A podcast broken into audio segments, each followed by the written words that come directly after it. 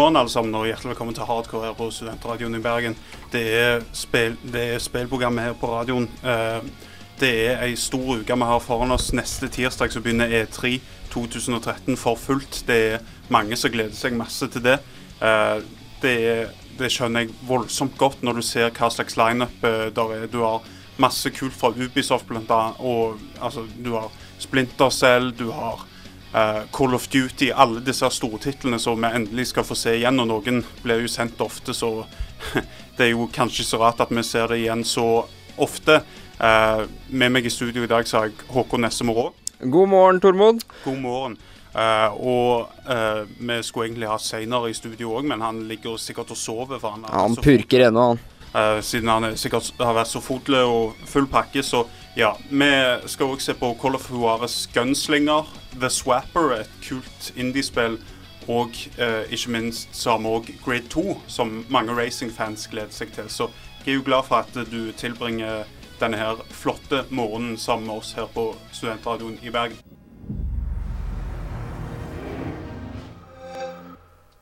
Det er viktig, uh, syns jeg, da å på en måte prøve å sette litt i perspektiv hva som faktisk skjedde med denne Xbox One-konferansen. For um, jeg tror ikke det, uh, det har vært så mye trøbbel online og folk som har wina, og, og vi i programmet i tillegg. Vi har jo wina så voldsomt mye, for dette her var kanskje ikke så voldsomt kult. Nei, eh, Xbox har jo fått voldsom shitstorm i, i løpet av den uh, tida etter uh, det de viste fram. Og vi, som du sa, vi gjorde det jo selv. Vi bæsja de for all mulig TV-framvisning og alt, uh, alt som det medfører. Og det som folk virkelig irriterer seg over, virker det som, er jo det med bruktspillbransjen og hva Xbox tenker å gjøre med det.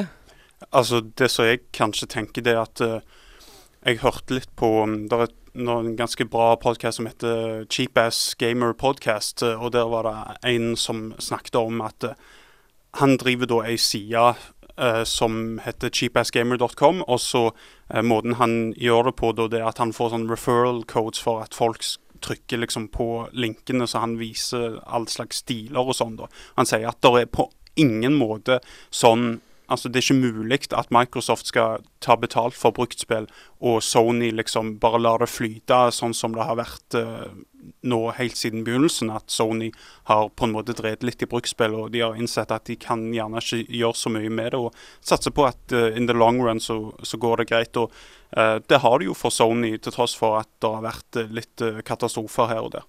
Så det du sier er at Sony kommer til å vise fram en uh, måte å kontrollere brukt, bruktspillene på, de også? Enten så må de gjøre det, eller så er det sånn at uh, Microsoft ikke vil ha liksom ikke vil låse ute bruksspill, eller at de, de, på en måte bare gir en symbolsk sum, da, kanskje. Um, siden altså, det blir helt på trynet dersom det blir sånn misforhold. Selvfølgelig vil da folk gå til Sony eh, hvis det er sånn det kommer til å bli. Men Sony har jo egentlig ikke gitt noe sånn voldsomt klart svar på det. Microsoft har jo vært ute og sier at eh, det vil være eh, noe du er nødt til å betale for å kunne nytte bruktspill. Men de kommer sikkert til å ha partnership eh, med GameStop i det.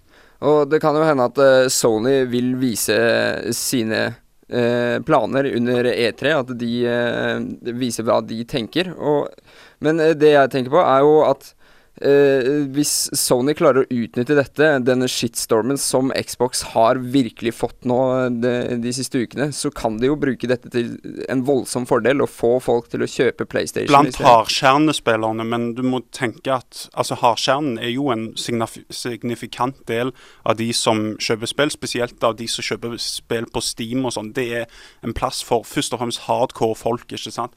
Og det er da viktig å ha i minne at uh, folk som bare kjøper Fifa en gang i året, sånn, de driter vel i dette her. De har sikkert konsollen alltid plugga mot online. sant? De bryr seg ikke så mye om dette med indie-greier.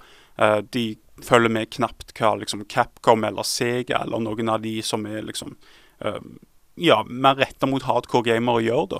Så det er vel kanskje ikke så over, overraskende at den presseventen med Xbox One at den, Det var jo først og fremst for hardwaren, og det hadde de sagt på forhånd. men eh, det på en måte drukna da litt i eh, dette her voldsomme kjøret i forhold til altså Always On DRM-en og, og, og, greier og sånn. Um, men det som kanskje er viktig òg, grunnen til at de vil at dette skal gå digitalt, det er nok ikke først og fremst pga.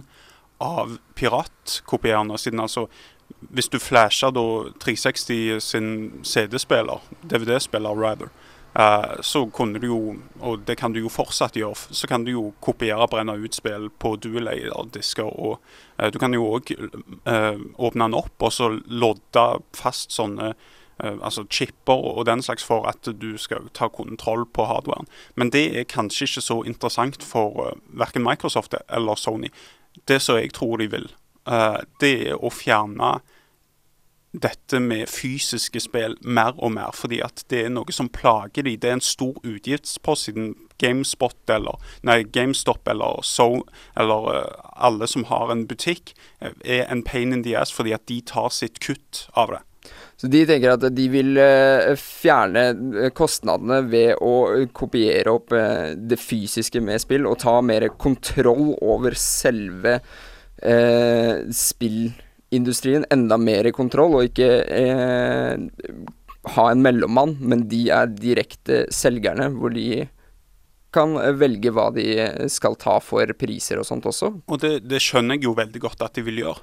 Fordi at det er jo de som sitter med innhold, det er de som pumper inn masse penger på produkter som de ikke vet helt 100% om kommer til å lykkes. Så jeg skjønner jo på en måte det, da. Mm. Så Xbox One, eller Xbone som de har begynt å kalle det, og sånn, det har jo fått hard medfart på et uh, nettsted uh, som heter NeoGaf. Og Game Trailers er jo ute med en dokumentar om det nå, som er ganske interessant. Så du finner på gametrailers.com. Nå skal vi høre en bitte liten trailer, så diskuterer vi da etterpå hva som faktisk skjer i den dokumentaren. NeoGaf is basically where the press goes to get a lot of breaking news. I think there are a lot of people that if it disappeared tomorrow, might not know what to do with themselves. NeoGAF is an outlet for some angry little gamers. You're always going to be a little bit of an outsider no matter how much you connect. When they like your work, they'll carry you through the streets like any diehard gamer would. But the second you say a dumb quote or you release a product they don't like, they'll be the first to tar and feather you.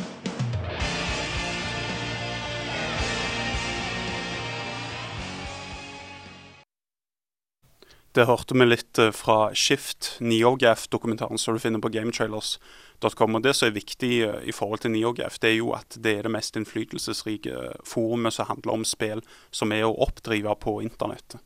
Og Det ser du jo bare på hvor mye de som følger NeoGaf bryr seg, og viser ved å sende inn tweets til alle mulige, både Xbox og Microsoft og Sony ansatte.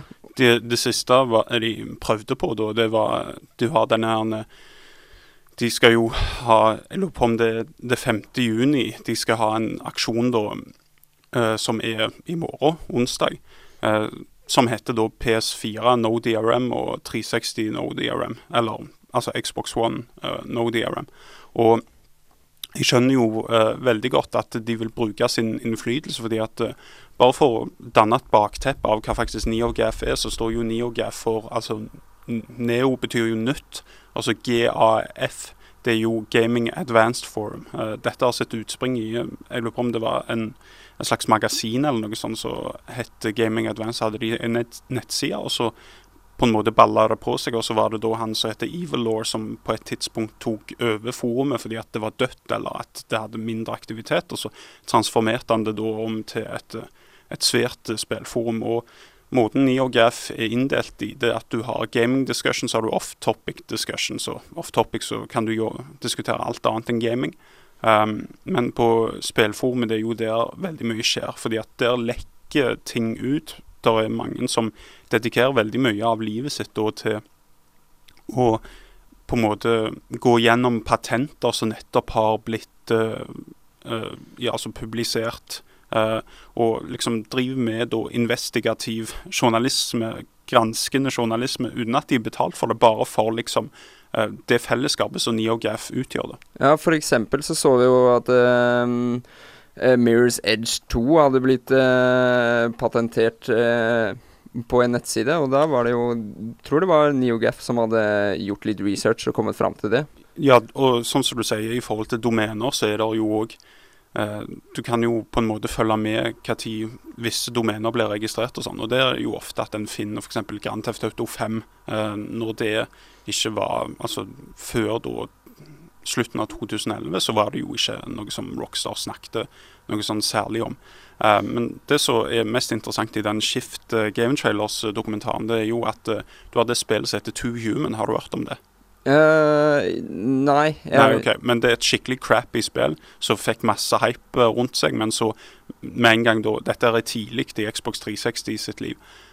så så var det masse hype, men så kom det en demo ut, og folk syntes at det sugde. Det var på en måte Gears of War møter mm, Diablo, på en måte. Okay. Uh, sånn at du hadde liksom Gears of War-perspektivet. Uh, og så er det da en fyr som en spillutvikler som heter Dennis Dyack, som da eide studio som utvikla Two Human, nemlig Silicon Nights. Jeg er usikker på om de faktisk eksisterer lenger.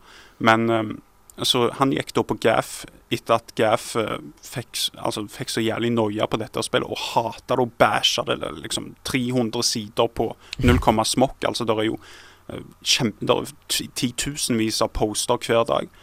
Og så, så går da denne Steiek og sier sånn at uh, ja, vi får se. Dersom dette blir en salgssuksess og at anmelderne liker det til tross for denne her demoen, så må alle som da skriver denne tråden og, og bæsjer på uh, To Human, får få liksom undertittel. Du vet jo på forum så har du jo mm. undertittel under uh, avataren 'Pwned by denne Steiek'.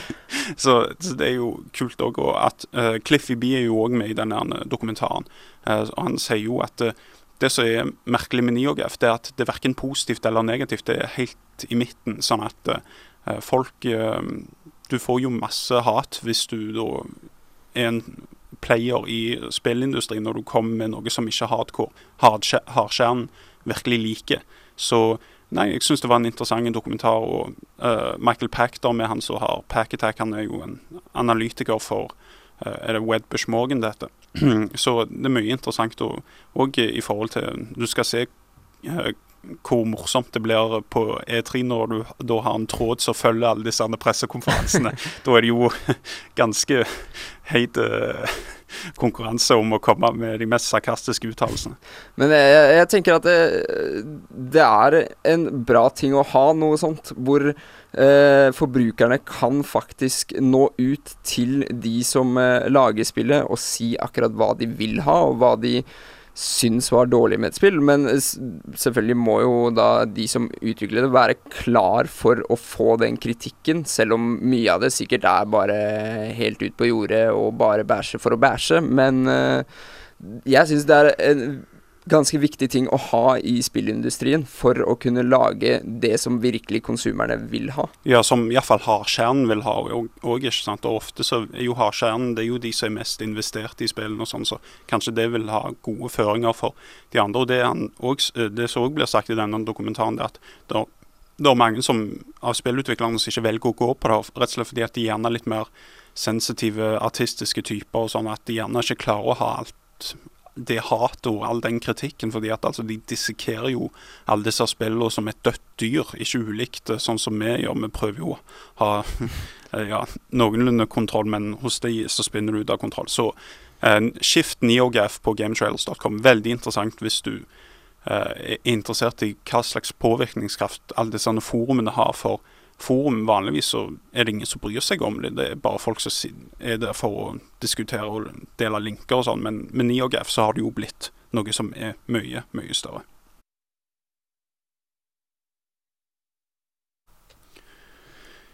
Call of Juarez Gunslinger det er jo eh, et spill som eh, på en måte har flydd bitte litt under radaren. Da. De har jo ikke lagd så voldsomt stor deal ut av det, til tross for at det har jo fått eh, bra kritikk så langt. Og at Call of Juarez, med unntak av The Cartel som kom for ja, en stund siden, så er jo serien elska. Det er jo i western og Call of Juarez Gunslinger. Der returnerer du til det gamle Vesten. Ja, For min del også så var det et spill som jeg ikke har eh, hørt så mye om, men plutselig så dukka det opp på radaren min, og eh, nå har jeg prøvd det ut. Og jeg syns det er et fantastisk spill hvor du eh, går på en måte tilbake til den gamle arcade eh, shooter-opplegget. Og eh, det at det er satt i eh, den western-verden, er Det passer så utrolig bra til den, den type spill. Hvor eh, de gamle, svære Colt-revolverne smeller som bare faen, og du kjenner at de virkelig, de virkelig gir noe fra seg. Og Det som er viktig å understreke, det er at dette har kommet ut eh, den, det 22. mai, så det har jo vært ute bitte litt. da.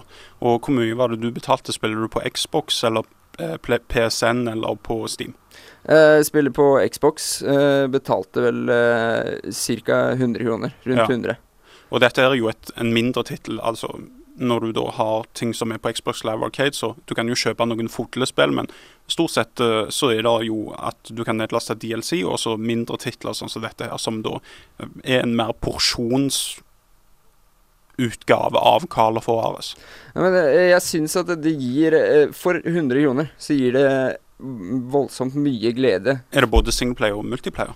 Det er ikke multiplayer, men du har i tillegg eh, til eh, story mode, så har man eh, det som virkelig kalles arkade, hvor du har sånne små deler av brett hvor du løper gjennom og prøver å få høyest mulig score. Og det er faktisk veldig morsomt å spille gjennom, fordi at de banene er ganske korte, men det gjør at du får virkelig lyst til å gjøre det perfekt denne gangen. For eksempel, jeg spilte den første banen sikkert 20 ganger for å klare å eh, holde komboen min oppe hele veien, sånn at jeg fikk den høyest mulige scoren. Um, og de har i tillegg en sånn eh, duell eh, minigame, på en måte, hvor du skal duellere mot alle de bad guysa du møter i story-moden. Ja. Men storymoden story-moden i seg selv syns jeg er eh, Selv om ikke selve historien er så veldig revolusjoner revolusjonerende, så er den fortalt på en veldig uh, bra måte, hvor du har uh, hovedpersonen, som er en gammel uh, bounty hunter, kommer inn i en bar og forteller på en måte en røverhistorie til de som vil høre på. Og det som de gjør da, er at du spiller samtidig som han forteller i bakgrunnen. Og de som hører på, kommer med forskjellige innspill, og han øh, For eksempel så sier han Spør han ene om øh, Du møtte for eksempel Jesse James, og eh, du skøyt han ned. Det kan jo ikke stemme, han ble jo drept av eh, Robert Ford. Endelig så er det noen som er kritiske til historien i spillet. Det burde de faen hatt på. Det Capcom, work on it på Resident Evil 6. Men det som de gjør da, det er at han sier Nei, nei, det skjedde ikke sånn. Og så spoler du tilbake, og så spiller du det litt annerledes, på en måte. Sånn at han forandrer på historien. Sier sånn at eh, Og plutselig så jeg en stige som eh, førte meg opp der, og da plutselig dukker den stigen opp i, i, i spillet. Og det gjør eh, Det gjør på en måte Det De viser at spillet ikke tar seg selv så veldig høytidelig, og det Han kommer med sånne kommentarer underveis som viser at de eh, ikke prøver å være årets beste spill, men de tar seg ikke så veldig høytidelig. Helt avslutningsvis så syns jeg det jo òg det er interessant med den kunststilen som de har valgt. Eh, det er jo eh, litt sånn som Borderlands, men litt mer detaljert. Jeg, jeg likte den uh, kunststilen, den shell-shadinga, syns jeg var uh, veldig stilig og passa godt inn i det på en måte uh, Du kunne laget et så dusty og brunt og kjedelig område. Men eh, med den eh, på en måte litt mer tegneserieaktige stilen, så får du et mye lysere og eh, mye mer levende område. Kult. Så det er jo ute til, på PlayStation Network, på Xbox Live Arcade, og ikke minst òg på Steam. Så Call of Juarez Gunslinger det høres ut som virkelig noe du anbefaler. Ja, jeg syns det er eh, mye moro for eh, ikke så veldig mye penger.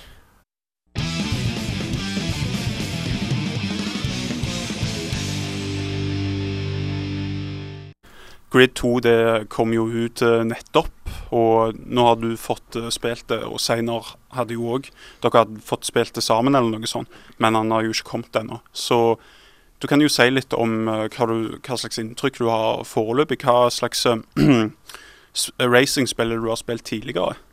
Uh, jeg har spilt uh, Jeg er ikke den som har spilt mest uh, racingspill. Jeg har spilt noe Gran Turismo, noe eh, Need for Speed Underground, som uh, Og uh, det er liksom det jeg har på CV-en min. Det, det hørtes noenlunde magert ut. Ja, ikke sant? Men uh, iallfall så får du prøve å, å se litt, altså siden det, det er jo et racingspill. er, og det skiller seg jo sterkt fra f.eks. et rallyspill eller Mm. noe sånt. Så vil du si at eh, Er det bra sånn collision detection, sånn som det f.eks. er i ja, eh, burnout? Altså er det mye krasjing og drit? Uh, ja, det er en del uh, på en måte kollisjoner, og jeg syns at det, det Det kan liksom kunne vært gjort mer med det, føler jeg, men jeg, jeg skal ikke si så OK. Uh, vil du tro at uh, noen, av, noen liker denne purismen med spillet, da? Ja, altså jeg For å si det sånn, jeg ble overraska over at, eh, hvor mye jeg faktisk likte spillet, som egentlig ikke er så veldig fan av racingspill i eh, til vanlig.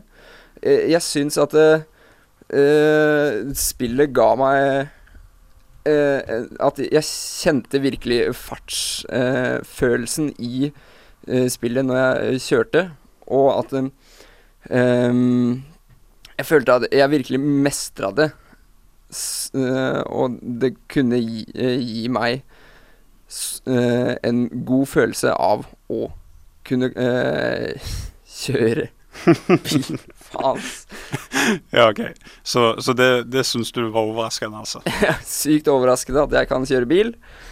Men uh, uh, Jeg har egentlig ikke OK. Uh, er det sånn at du kan eh, liksom customize bilen ganske mye, eller? Eller er det sånn at eh, du, har, du har jo disse forskjellige tierene med altså type biler som skal reise mot hverandre, ikke sant? Ja, det har man. Eh, du kan jo uh, customize, og du kan eh, sette på forskjellige um, sponsorting som gir deg at eh, du får forskjellige utfordringer under hvert race. At du f.eks. en sponsor eh, gjør at du skal vinne førsteplass med fem sekunder ekstra tid. Mm. Eh, og det syns jeg var eh, ganske kult, for da fikk du på en måte uh, litt ekstra å tenke på, ikke bare det å kjøre race og uh, komme først i mål. Ellers så uh, syns jeg at de forskjellige game modesa i spillet, hvor du ha, hadde de mer spesielle game modesa, var ganske kule, hvor du uh, f.eks. skulle Du hadde mye trafikk i bilene, og så skulle du klare å komme, forbi, eh, komme deg forbi så mange som mulig på kortest mulig tid, sånn at du bygde opp scoren. Mm. Men hvis du da krasja, så mista du da den eh, komboen som du allerede hadde bygd opp. Mm. Grid-serien, altså det forrige, var jo voldsomt bra visuelt da. Uh, Syns du at grafikken er bra? Dere spiller det vel på 360? Jeg spiller på 360, ja. Eh, jeg syns at eh, grafikken er voldsomt bra. Uh, og, men jeg, jeg føler at uh, f.eks. Forsa gjør det bedre. Og eh, hvis, du, eh, hvis du ser på banedesign og bildesign og sånn, så ser det knallbra ut. Og du, eh, en ting som man legger veldig godt merke til, er eh, du ser gjenskinn fra panseret, og du ser gode detaljer, smådetaljer. Men eh, hvis du ser på f.eks. Eh, tribuner og publikum, så er de eh, Kunne det vært eh, Sega, hvor de hadde satt opp eh, 2D sånn Er det så plansjer. Ja, det er nesten så kjipt. Det er jo helt utrolig. altså Grid 2 det skal jo være banebrytende og sånn. At de ikke kan ha skikkelig publikum. altså Jeg vil at i hvert fall når jeg, Hvis de først skal ha publikum, så bør de jo gjøre det skikkelig. ikke sant? Ja. Um, ja, så du, du vet vel ikke helt hva du skal gjøre ut av dette spillet? Nei, eh, jeg koste meg med det, jeg kan si det. Og for meg som ikke er uh, racing-fan, som eh, Det er mange som ikke er det. Ja, så så syns jeg at det Det var et bra spill, og jeg hadde det veldig gøy med det. Mm, Men jeg kan på en måte ikke sette det opp mot så veldig mye annet. Men hvis du setter det opp mot Pokémon gul, da. eh, Kjøp deg Pokémon. ja. Så Pokémon gul i stedet for Grid 2, alle sammen.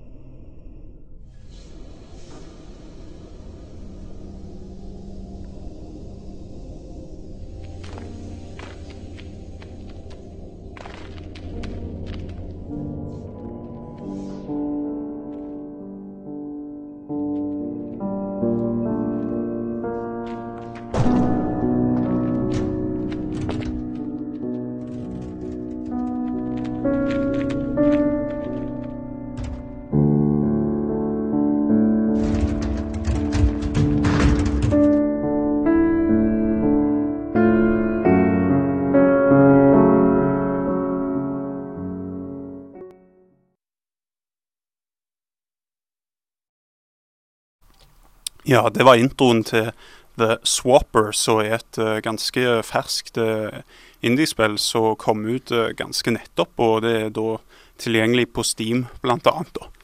Og for å sette et bilde av dette her, som du hørte i traileren, så er det ja, litt sånn somber og rolig atmosfære i dette spillet. Det som det faktisk går ut på, det er jo at dette er et pl- puzzle-plattformer som da er satt eh, i Altså, du er langt ute i space, da. Ute i verdensrommet. Langt for, fra Altså, det har vært folk der før, men de døde av en eller annen mystisk grunn som liksom ikke spillet forteller deg helt up front, men som de da hinter gjennom forskjellige audiologer som ligger rundt i spillet. Ikke så voldsomt ulikt, altså akkurat som at du plukker opp teiper i Bioshock, bare at her er det da tekst, da. Det som jeg har sett av spillet, ser ut som det, gir deg på en måte en eh, veldig god følelse av det å være alene og ikke ha noen andre. Så eh, for å sette det opp mot noe, så fikk jeg på en måte følelsen av eh, den Moon, den filmen Moon. Det er en jævlig god eh, eh, analog til, til spillet, fordi at eh, altså, i denne filmen så er han jo eh, på månen da, og så driver og så har Han har vel um, Han styrer vel de der helium-3-minerne oppe på månen, mens her så er du jo da på en ekspedisjon, uh, litt usikker på hva, hva faktisk han karakteren gjør. eh, hva han gjør, men det er nesten Det er den, og så er det òg altså bare, bare den visuelle stilen og fargevalget og alt dette her. Det minner en del om hm, Bioshock, bare liksom transponert til en space-setting. Mm. Sånn fargene, det er mye sånn ja, sjøgrønn, og så er det liksom sånn Altså, du hører liksom lyden av isolasjon i hele spillet, da. Mm. Eh, sånn at eh, jeg syns stemningen er ikke helt optimal. Det er mulig at de kunne gjort veldig, veldig små nyanser for å gjøre den litt mer sånn at du trekkes inn og føler deg ekstra isolert, men det er jævlig vanskelig å, å få til, spesielt når du tar inn over deg at dette her er liksom to universitetsstudenter fra Finland som har sittet og gjort dette her på fritida. Men uh, spillet i seg selv går, eh, går jo ut på det at du uh, har en slags uh, pistol som kan sette ut kloner av deg selv. Ja. Som gjør det samme som du gjør, eller du kan velge å ta kontroll over de klonene isteden. Og så har du da forskjellige Altså du må gjerne trykke, gå over på bryter eller noe sånt. sant? Eh, og så må du ha dette her synkront. Og etter hvert så blir disse her puslespillene og gåtene er jævlig vanskelige. Det er liksom Du må ha en veldig bestemt rekkefølge for å gjøre dette. Og så er det gjerne forskjellige typer lys som F.eks. du har et blått lys, du har et rødt lys, som annet da forhindre at du kan swappe mellom de forskjellige, altså å bytte hvem du styrer, og, og som kan blokkere hva eh, Om du kan sende ut nye kloner på et spesielt sted, eller så har du òg lilla fargen som da blokkerer begge, sånn at du da du får tidsnok med hjernetrim uh, og sånn. Og det er vel en mekanikk som jeg syns fungerer OK.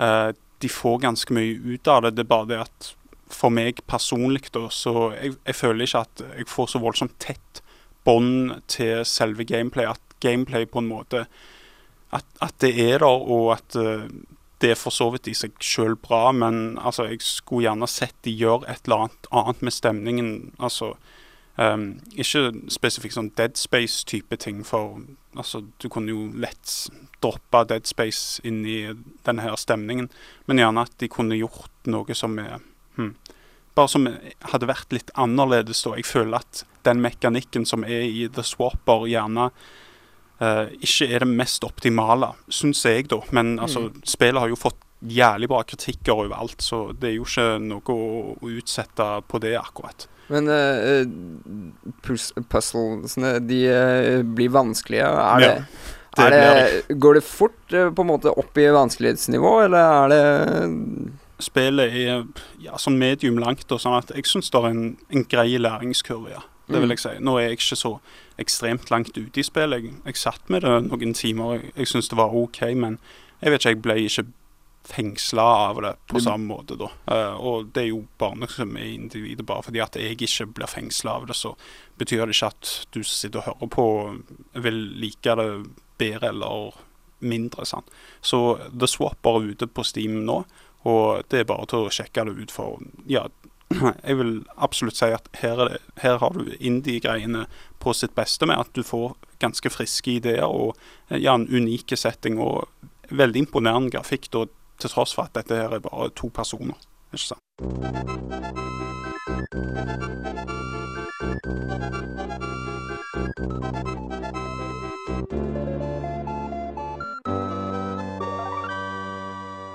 Vi snakket jo tidligere om dette her Xbox One-pressekonferansen som ble eh, Ja, det ble jo vist for en liten stund siden. Og um, vi, vi, fikk jo se hvordan maskinen så ut og alt dette her, men de har vært veldig enfoldige da i forhold til hva slags spill som kommer ut. Og det de sier, det er at den pressekonferansen som var tidligere, eh, det er rett og slett bare for hardwaren. Mens nå har vi da hele E3-konferansen, den pressekonferansen de skal holde på E3.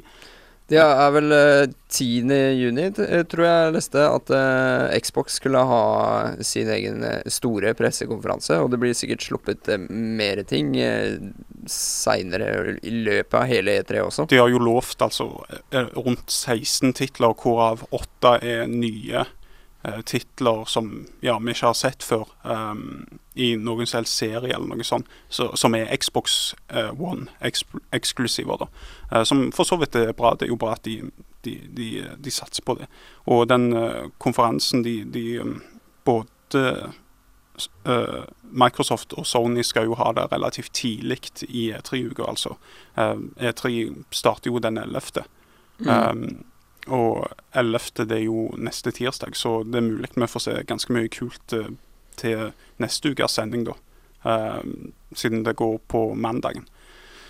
Så vi har det med Xbox, hva de kommer til å vise. De har masse å rettferdiggjøre etter at det fikk så jævlig backlash for den der Nintendo Uh, nei, altså, altså Always DRM-greiene. Men uh, hva, uh, Nintendo har jo sagt at de ikke skal ha noen stor pressekonferanse. Hva tenker du om det? Nei, de har vel ikke så mye å vise fram, da. det, er jo, det, er jo, faktum at Nintendo Wii U Dessverre, til tross for at det er for så vidt en ganske god konsoll. Greit nok at menyoppsett og sånn er jo treigt og og det er jo ikke all verdens med spill som kommer ut til det. Så de burde jo virkelig sette nådestøtet nå, dersom de har tenkt at Nintendo EU skal være liksom noe som klarer å holde følge med eh, Xbox One og Sony PlayStation 4. Fordi eh, i dette øyeblikk så selger jo faktisk den gamle Wii-en bedre enn eh, Wii U. Ja, sant. Det er jo helt på trynet, til tross for at altså, du har jo de vanlige Du har jo Nintendo um, uh, sitt uh, hjertebarn, Microsoft Nei, altså Faen. Jeg vet ikke hvor hodet mitt er i dag. Uh, Super Mario Bros, altså New Super Mario Bros U, og du har jo mye annet som kommer. Blant annet så håper vi jo at vi får sett mye av Super Smash Bros til U, da. Mm. for dette er jo et um, jeg regner med at det kommer Super Smash og Mario Kart og Kanskje noen eh, Zelda-nyheter og eh, New Super Mario Bros. U. Det er det jeg regner med at de viser. En oppfølger til det, fordi at det har jo allerede kommet ut. Det kom jo ganske kjapt ut etter Wii U ble uh, lansert forrige oktober. Ja. uh, jeg, tror Det ville ikke overraske meg hvis Nintendo hadde kommet med en oppfølger til det også, men uh, det er, vil jeg ikke si er sikkert. Tenk så kult om de hadde fått et skikkelig Metroid-spill. Sånn liksom Metroid som tok liksom det beste fra de gamle Metroid, bl.a. Super Metroid, og så eh, gjorde det jævlig kult. Og et, et skikkelig tre, en 3D-plattform eller noe sånt som Mm. virkelig var kult, og som liksom var i stor skala og, og greier. Det hadde vært kult. Eller og at, Metroid Prime gjorde jo noe av det til eh, Nintendo GameCube. Ja, men det var jo først og fremst en førstepersons shooter, og så hadde du jo uh, Metroid The Ram. Men Mm. uh, ja, jeg vil ikke tro at Metroid er en heitekandidat og, uh, i forhold til denne E3-en, men vi har blitt overraska før. OK. Vi har òg i forhold til at vi faktisk får se Sony PlayStation 4, de må jo vise det fram nå. Og gjerne at vi òg da får den mer spesifikke datoen. Begge har jo sagt altså i løpet av 2013, og da er det jo snakk om juletider. Mm.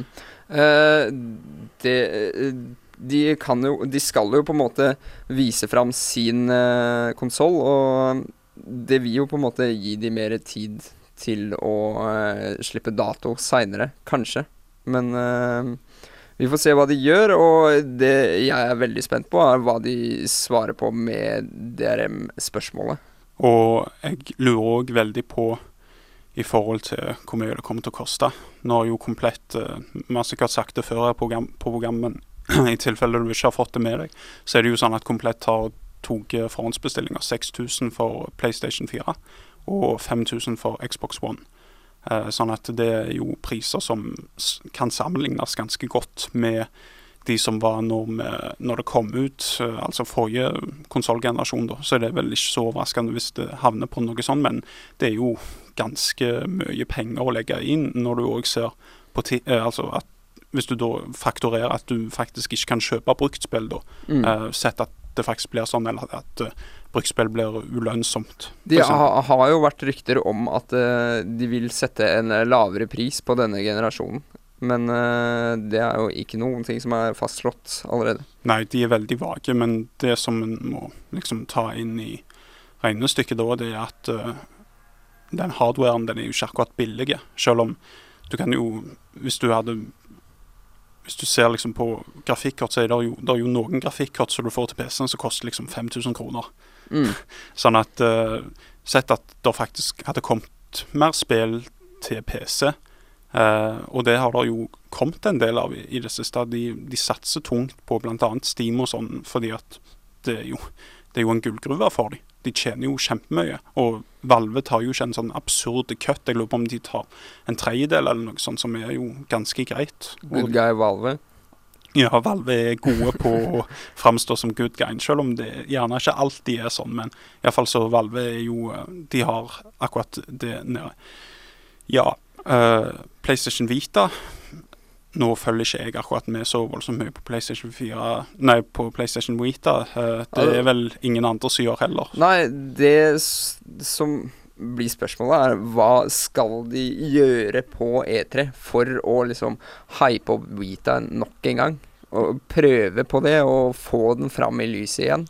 I tillegg, når du da tar inn i faktoren bl.a. altså at du har den uh, Oya-konsollen som faktisk kan streame spill fra PC-en din. Mm. Så, så det, det er jo en game changer, akkurat det. Det hadde jo vært helt genialt. Fy faen.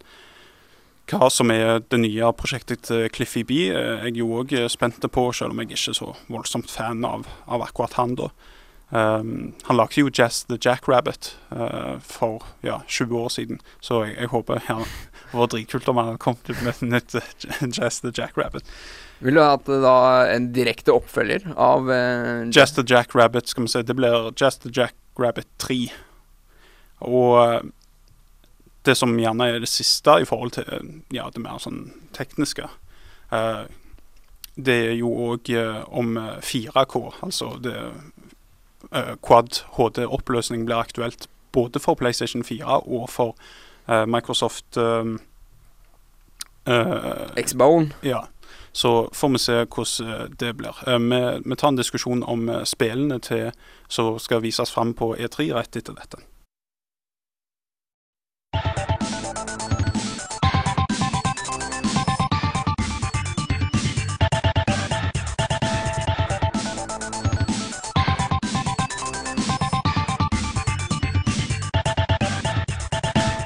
God morgen, Seinor! Eh, jo, vi kan slå takke Apple for at jeg er for sein nå. Eh, Hva var det som skjedde? det er dårlig batterilevetid, eh, rett og slett. Så det beklager jeg. Det beklager jeg. Men, men jeg er klar for å snakke om spill. Fordi Ja. det kommer mye spennende på etere som vi skal se på. Det var en lang, lang, lang liste. Ja, når var det du sto opp? Det så ut for sånn fem minutter siden. Det er ikke så langt unna. Syv ville vært mer korrekt. Alright. Uh, så da går vi over til hva spill som eh, skal vises fram eh, på E3 2013. Uh, så det står jo her eh, eh, The Witness. Jeg vet ikke om noen av dere er kjent med Braid, som er sånn puzzle-plattformerspill som var både på PC og 360. Uh, Det er vel et uh, indiespill, om jeg ikke tar Veldig indie. Og han, altså han har jo fått backing nå til å gjøre noe som er eksklusivt både for PC og for PlayStation 4. Og det, det har fått voldsomt gode kritikker, og det er et spill som jeg har hatt i eh, Altså Braid, eh, et spill som jeg har hatt under radaren, som jeg har lyst til å prøve lenge. Så jeg er jævlig spent på hva The Witness kommer til å gjøre. Det er jo, et, eh, det er jo veldig annerledes. Det ser ekstremt annerledes ut i forhold til mange andre spill som er å oppdrive. Og eh, Tom Clancys Rainbow Six, jeg vet ikke om dere er voldsomt kjent eh, med Tom Clancy-spillene. Jeg har spilt litt av det, men eh, ikke ja, altså Jeg vil ikke si meg Jeg er ikke noen veteran, men jeg har spilt noe, noe av det. Har du spilt uh, Rainbow Six Vegas? Uh, Det har spilt. Ja. Det har jeg spilt. Det er jo dødskult fordi at du hadde jo blant annet altså, Det var dritkult å kunne styre teamet på den måten. Det, jeg jeg syns at ofte når du skal da planlegge sånne aksjoner og den slags, så blir det fort veldig masete og altfor mye sånn lite pragmatisk taktikk, mens med at du kunne sende ut ordre og sånn, så det funker jo jævlig bra. Spesielt å spille de LAN, herregud, det er jo konge. Så vi får se mer av eh, Rainbow Six Patriots. Eh, Tom Clancys Splinter Cell Blacklist, mye mer actionbasert uh, Splinter Cell-spill. Visste ikke at det gikk an å gjøre det mer etter liksom, den der Conviction. Eh, Beyond Two Souls, det er jo eh, det nye prosjektet til David Cage, eh, Heavy Rain. Er jo et spill som mange likte. Det ser veldig kult ut, hvor du har fått inn nå Husker jeg ikke hva hun jenta heter, men hun fra Inception og Juno. Juno, ja. Så hun er jo med der, og hun gjør jo alt for den karakteren. og det er jo voldsomt spennende hva de faktisk kommer til å gjøre med det. Om det kommer til å ha den der emosjonelle pullen som eh, mange er ettertrakta, og som er essensiell hvis du skal få et veldig cinematisk spill til å fungere. Da må du få eh, bli investert i karakteren. Mer Metal Gear Solid blir det iallfall. Metal Gear Solid Ground Zeroes. Uh, som Det er jo ikke helt enkelt å, å skape et skille mellom de to nye Metal Gear-spillene, bl.a. Metal Gear Solid 5, The Phantom Pain og Metal Gear Solid Ground Zeroes. Uh, The Witcher 3 det er jo et uh, spill som jeg elsker spillpressen. Det er jo notorisk vanskelig, men òg voldsomt gøy. Ducktales remaster. Noen av dere spilte Ducktales på NES? Er det, uh, er det Donald Duck som uh... Nei, du er skrue-McDuck, og så hopper du rundt ja, ja, på ja. den der hoppestokken. Uh, og så Ja, jeg, jeg ser ikke helt for meg hvordan er jeg det der få man, det til å fungere. stuper i pengebingen og sånn? Eh, nei, det var, det var et separat duck-spill på PC og Ja, Commodore PC. 64. Ja, det stemmer det. Så har du et nytt Wolfenstein, The New Order. Jeg gleder meg. Jeg gleder meg. Jeg tror Ja. det er moro. Endelig så blir Wolfenstein et relevant navn igjen. Men eh, ja, altså, jeg har sett en eh, trailer på det, og det ser faktisk eh, voldsomt bra ut. Det forrige Wolfenstein-spillet fikk jo eh, ikke så gode Det, tilbakemeldinger. det fikk OK, men det som jeg syns var kult med det forrige, da, det er at de lagde og gjorde mye ut av eh, det fenomenet som heter naziokkultisme. Sånn at du hadde liksom spøkelser og sånn eh, liksom kraft fra sjeler og alt det der. Det er ikke noe sånn Med mindre du ser på alle de der karikerte eksemplene som er i spillhistorien før, så, så er det ikke så mange eksempler som er gode eksempler på at de faktisk tar det der med spøkelser og greier. Forrige, forrige eh, Wolfenstein, var Hitler siste voss der òg? Kom aldri så langt. Eh, Det var en hektisk periode. Eh, Jeg lurer på om det var i 2008 eller 2009. og Da, ja, da jobbet jeg som slakter. Eh, og, så jeg, jeg hadde mer enn nok blod og griseblod og sånn. Ja. Og jeg vet ikke om noen av dere er kjent med mm, det spill, den spillserien som heter Shadow of the Colossus, altså Ico. Ah, ja, ja, ja. Og vi har jo venta lenge på oppfølgeren, som ikke var til stede i det hele tatt på forrige E3 eller på forrige Tokyo Gameshow, The Last Guardian. Men det Den- har vel vært vist på E3 siden 2008 eller 2009 eller noe sånt? Ja, det er jo mange som mener da at dette prosjektet er dødt, og at vi ser syner når vi tror at eh, det skal komme eh, liksom på, eh, på E3 2013. Men det hadde vært helt fantastisk om de faktisk fikk blåst liv i det igjen. Fordi at eh, i hvert fall Shadow of the Colossus er noe av det mest eh, fantastiske spillet jeg har spilt på PlayStation 2. Assassin's Creed 4, Black Flag, pirat pluss Assassin's Creed, er vi psyched for det? Jeg, jeg har på en måte mista litt piffen for Eller jeg føler at um, Assassin's Creed mista litt piffen etter uh, treeren kom ut. Jeg, jeg tror eh, de kommer til å få mye hype, det kommer til å bli mye oppstyr rundt det, men eh, at det viser seg å være litt i samme gate som Assassin's Creed 3. Det ser bra ut med en gang man begynner, men det faller litt bort. Og det som Ubisoft liker best av alt, er jo penger. Eh, sånn at eh, det er, jo, det er jo en grunn for at de spiller videre på dette og har et nytt Assassin's Creed hvert år. Det er en pengemaskin for dem. Så de kan gjerne pumpe inn i og lage bedre Assassin's Creed. Det håper jeg nå inderlig at de gjør.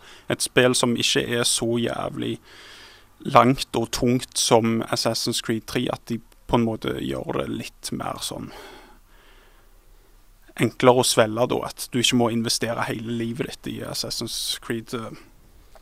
Eh, så jeg er jo òg litt spent på Unreal Engine 4. Eh, denne konsollgenerasjonen har jo de fleste grafikkmotorene som har blitt brukt, med unntak av f.eks. Crytek sin og, og mange andre. Og IO Interactive som har da gått på Glacier. Så er det mye spenning knytta til hvor bra Unreal Engine 4 eh, kommer til å se ut. Vi har jo sett en del info om det fra før. Um, så blant annet, jeg lurer på om det var på forrige E3 en ja, litt vag demo, og sånn, men vi har jo ikke fått sett skikkelig gameplay med det. Uh, Iallfall over lengre tid. Så jeg er spent på det. I tillegg Watchdogs, og fra Ubisoft. Um, det er jo mange som har begynt å hate på det allerede, fordi at de mener at dette blir liksom Assassin's Creed all over again. Det er gjerne greit å ha sunn skepsis til Ubisoft, som gjerne ikke er kanskje det beste på å få nye konsepter til å fungere med første spill. Altså Assassin's Creed trengte jo en del spill på seg for å liksom komme til kjernen og gjøre det gøy å fortsette. Men så har de da mista litt piffen, da, i, sånn som du sier, i Assassin's Creed 3. Så jeg er spent på Jeg syns de gjør det samme med Watchdogs også. Det ser jævlig kult ut på trailer og all informasjon, men eh, så, som du sier, man må huske at det er Ubisoft, og man må ta ting med en klype salt. Helt avslutningsvis så tenker jeg òg at Thief 4, eh, eller Thief som det skal hete, det kom jo i 2014. Og dette er en serie som har ligget så død eh, så lenge at de er nødt til å vise det og liksom prøve å skape et skikkelig godt inntrykk og hype, sånn at det blir et navn som går på alles lepper. Det er jo helt essensielt. Eh, vi begynner å gå litt tom for tid, men eh, vi er tilbake rett etter dette.